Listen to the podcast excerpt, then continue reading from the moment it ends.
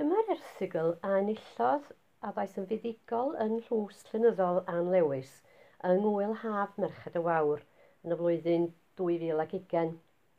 Yr awdur ydy Eluned Davies Scott sy'n aelod yng nghangen ton ysguboriau y De Ddwyrain.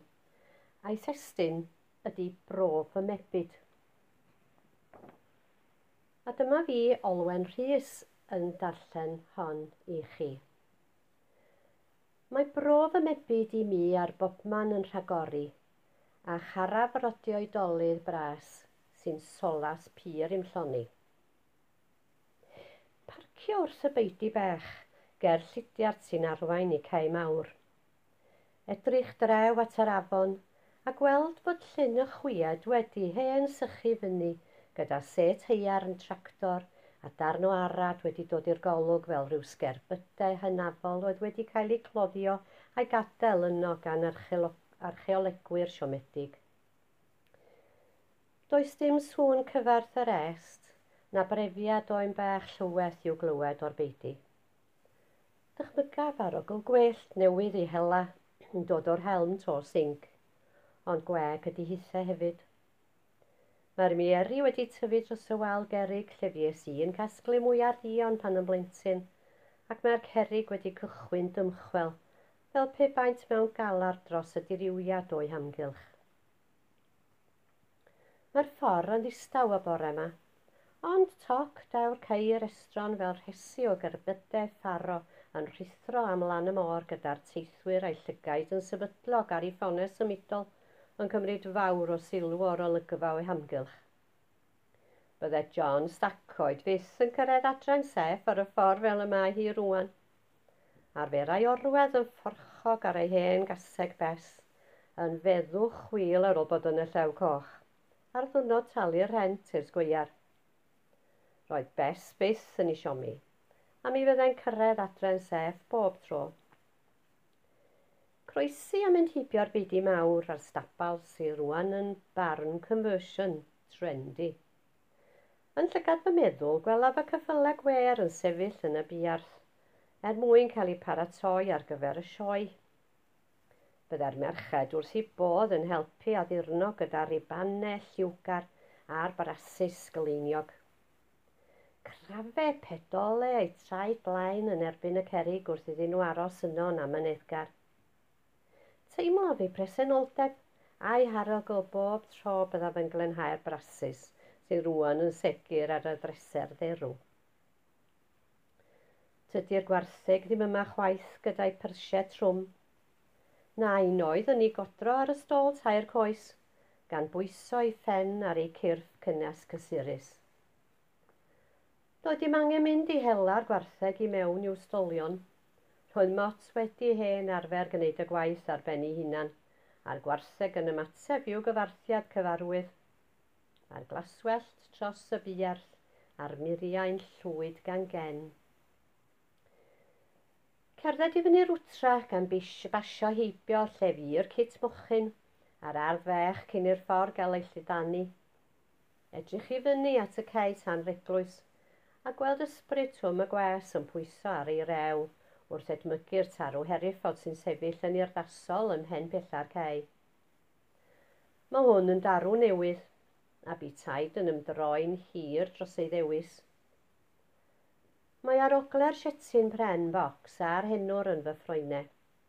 Does dim cynfas wen allan ar y leindillad heddiw, yn arwydd i bod o cet ti'n fron fod nain yn iawn. Cyrraedd y ffald a gweld yr hen dyn sy'n sefyll yno yn urdasol. Mae dyddiad ei adeiladu fel rhyw datw ar ei dalcen yn cyhoeddi fod o wedi edrych allan ar yr un olygfa ers dros dair canrif. Dacwr afon yn treidio ei ffordd trwy'r cei mawr tu'n fron yn y pellter a boncyn ell braith yn bwrw cysgod dros y ceie blaen cwm. Yn fy nychymig, cerddaf i fyny'r stepiau drwy'r porch. Wel, ar luniau'r hen, munidiogion methodistiaid yn edrych lawr arnau'n feirniadol. Maent wedi bod yn hongian yno ers cyn co gyda'i siwtiau di a choleri starch a'i barfau locsys hir yn rhyw beth o symbolau o barchusrwydd a diwiol ofn. Mae Sam Bech yn eistedd wrth ben y bwr mawr yn gafel mewn brachdan ham, yn ei lew sydd byth yn edrych yn len iawn. Mae'r olclos yn dal i orchuddio'r bwr derw, ond mae'r meincie'n weg lle arferau'r gweision eistedd i gael eu cinio ar ôl bore o ddyrnu neu gneifio. Mae'r ffenest bron wedi'i chuddio gan fynawyd y bugel a'i blodau'n creu patrwm fel llen net naturiol. Mae arogl ten coed yn y gret black led a'r tecell yn canu ar y creu uwch i ben. Dyna lle mae nain yn sefyll yn ei brat tra'n siarad gyda Nancy Ffryd Fawr. Heddiw yw'r diwrnod mae hi'n dod i fyny o'r pentre bob wythnos gyda phapur newydd o i'w dan ei braich a thorth o fara o siop Hughes y Bicer yn ei basged. Rhoi cipolwg i mewn i'r hengegi fawr, lle mae'r tap dŵr oer yn rhedeg trwy'r amser i wneud yn siŵr fod dŵr clir yn llifo trwyddo o'r ffynon drew ym Mhempillar Cei.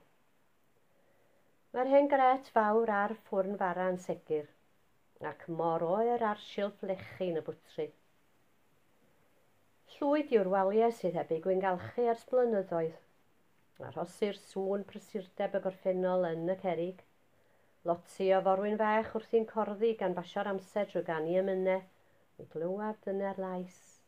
A'r canu a sgwrsio swnllid y teulu a'i ffrindiau o'r pentre wrth iddyn nhw wneud cyfles ar noswyl y flwyddyn newydd. Arllwys y cymysgedd berwedig ar garreg a llawr, wedi ei sgrwbio'n len iddo gael oeri digon ar gyfer y gystadleuaeth o'i dynnu gyda'r dwylo wedi eiro'n dde a menyn nes fyddai'n troi yn eiraidd ei liw. Does dim amser i stelcian. Tydi'r siwrne ddim ar ben eto. Ymlaen trwy'r llidiad a cherdded llwybr y defed i fyny at yr eglwys. Mae'r get wedi gweld dyddiau gwell, a'r gliciad wedi pydru a darn o gortyn beindar yn ei dal yng nghau.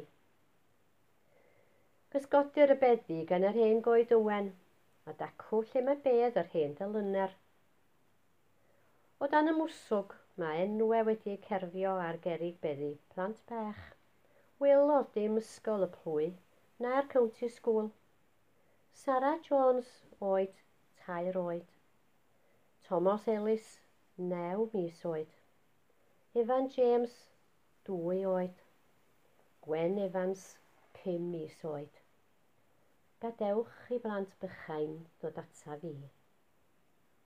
Mae carreg fedd Abram Rhys yn edrych fel petasau'n gofalu am y cog ar ddwy lotes fech. Lladwyd y ted mewn damwen wrth iddo godi tes wair yn ceinant fawr. Dyna dlodi gadael Elisabeth ei wraig i fagu pimp o blant ar ben ei hunan gan ddibynnu ar y plwy. Derbyn chydig o geiniogau am waith smwddio a charedigrwydd taid i'w cadw nhw rhag clemio. Dim syndod fod dau o'r cogia wedi mynd i Merica i edrych am bywyd gwell. Mae'r eglwys yn oer heddiw a distaw i'r gloch fydd yn galw'r plwyfolion i'r plygen. Does dim sôn gwychian ysgidiau gorau nac arogl pell peli gwyfynod dillad dydd syl wrth i bobl gyrraedd gyda'i llyfrau myned dan eu cyseiliau. Ar gyfer heddiw bore. Anelu at ben pillar fynwent. Mae ysbrydion Thomas ac Elin Morgan yn sefyll wrth rws titan ryglwys. Gwelaf Elin yn rhoi hanner coron i Thomas iddo fynd drew i'r llew coch. Bydd yn ôl toc wedi naw ar gloch a pasio hibio cornel y tŷ sydd yn weg. Nes i'r perchnigion presennol i osod allan fel holiday let yn yr he. Bydd dawel galon ysig. Dyma gam olaf o'r siwrne. Dringo i fyny ar hyd y ffordd geri gan wastad, a chymryd llwybr trwy'r hedyn ac arogl y ffwng yn gri. Dyma lle oedd bod o Cet yn dod i wlano, cefais i chwmni droion i gerdded trwy'r gyrig i gasglu llys ar ddiwedd yr he. Mae diwedd y daith mewn golwg, a distawrwydd llwyr, heblew am ryw hen ddafod yn brefu yn y pellter. Gweld yr ehedydd yn cael ei gario gan yr awel uwch ein pennau. Mi aglywais fod yr hedydd wedi marw ar y mynydd. Pe gwyddwn ni mae gwir y geiriau, a wna gero wir ag arfau i gyrchu corff yr hedydd adre. A dyma fine wedi dod i ben fy nhaith, am llwch wedi cael ei gyrchu adre a'i ymledu dros y wain. Fan hyn mae fy hanfod a phob rhaid ar hunwedd, rhyw ddarn o hwn fydd yma im dal hyd y diwedd. A dyna oedd erthigl Tlws Llenyddol Ann Lewis Nillwyd gan Luned Davies Scott Gyda'r testyn, mae'n amlwg brof y mebyd.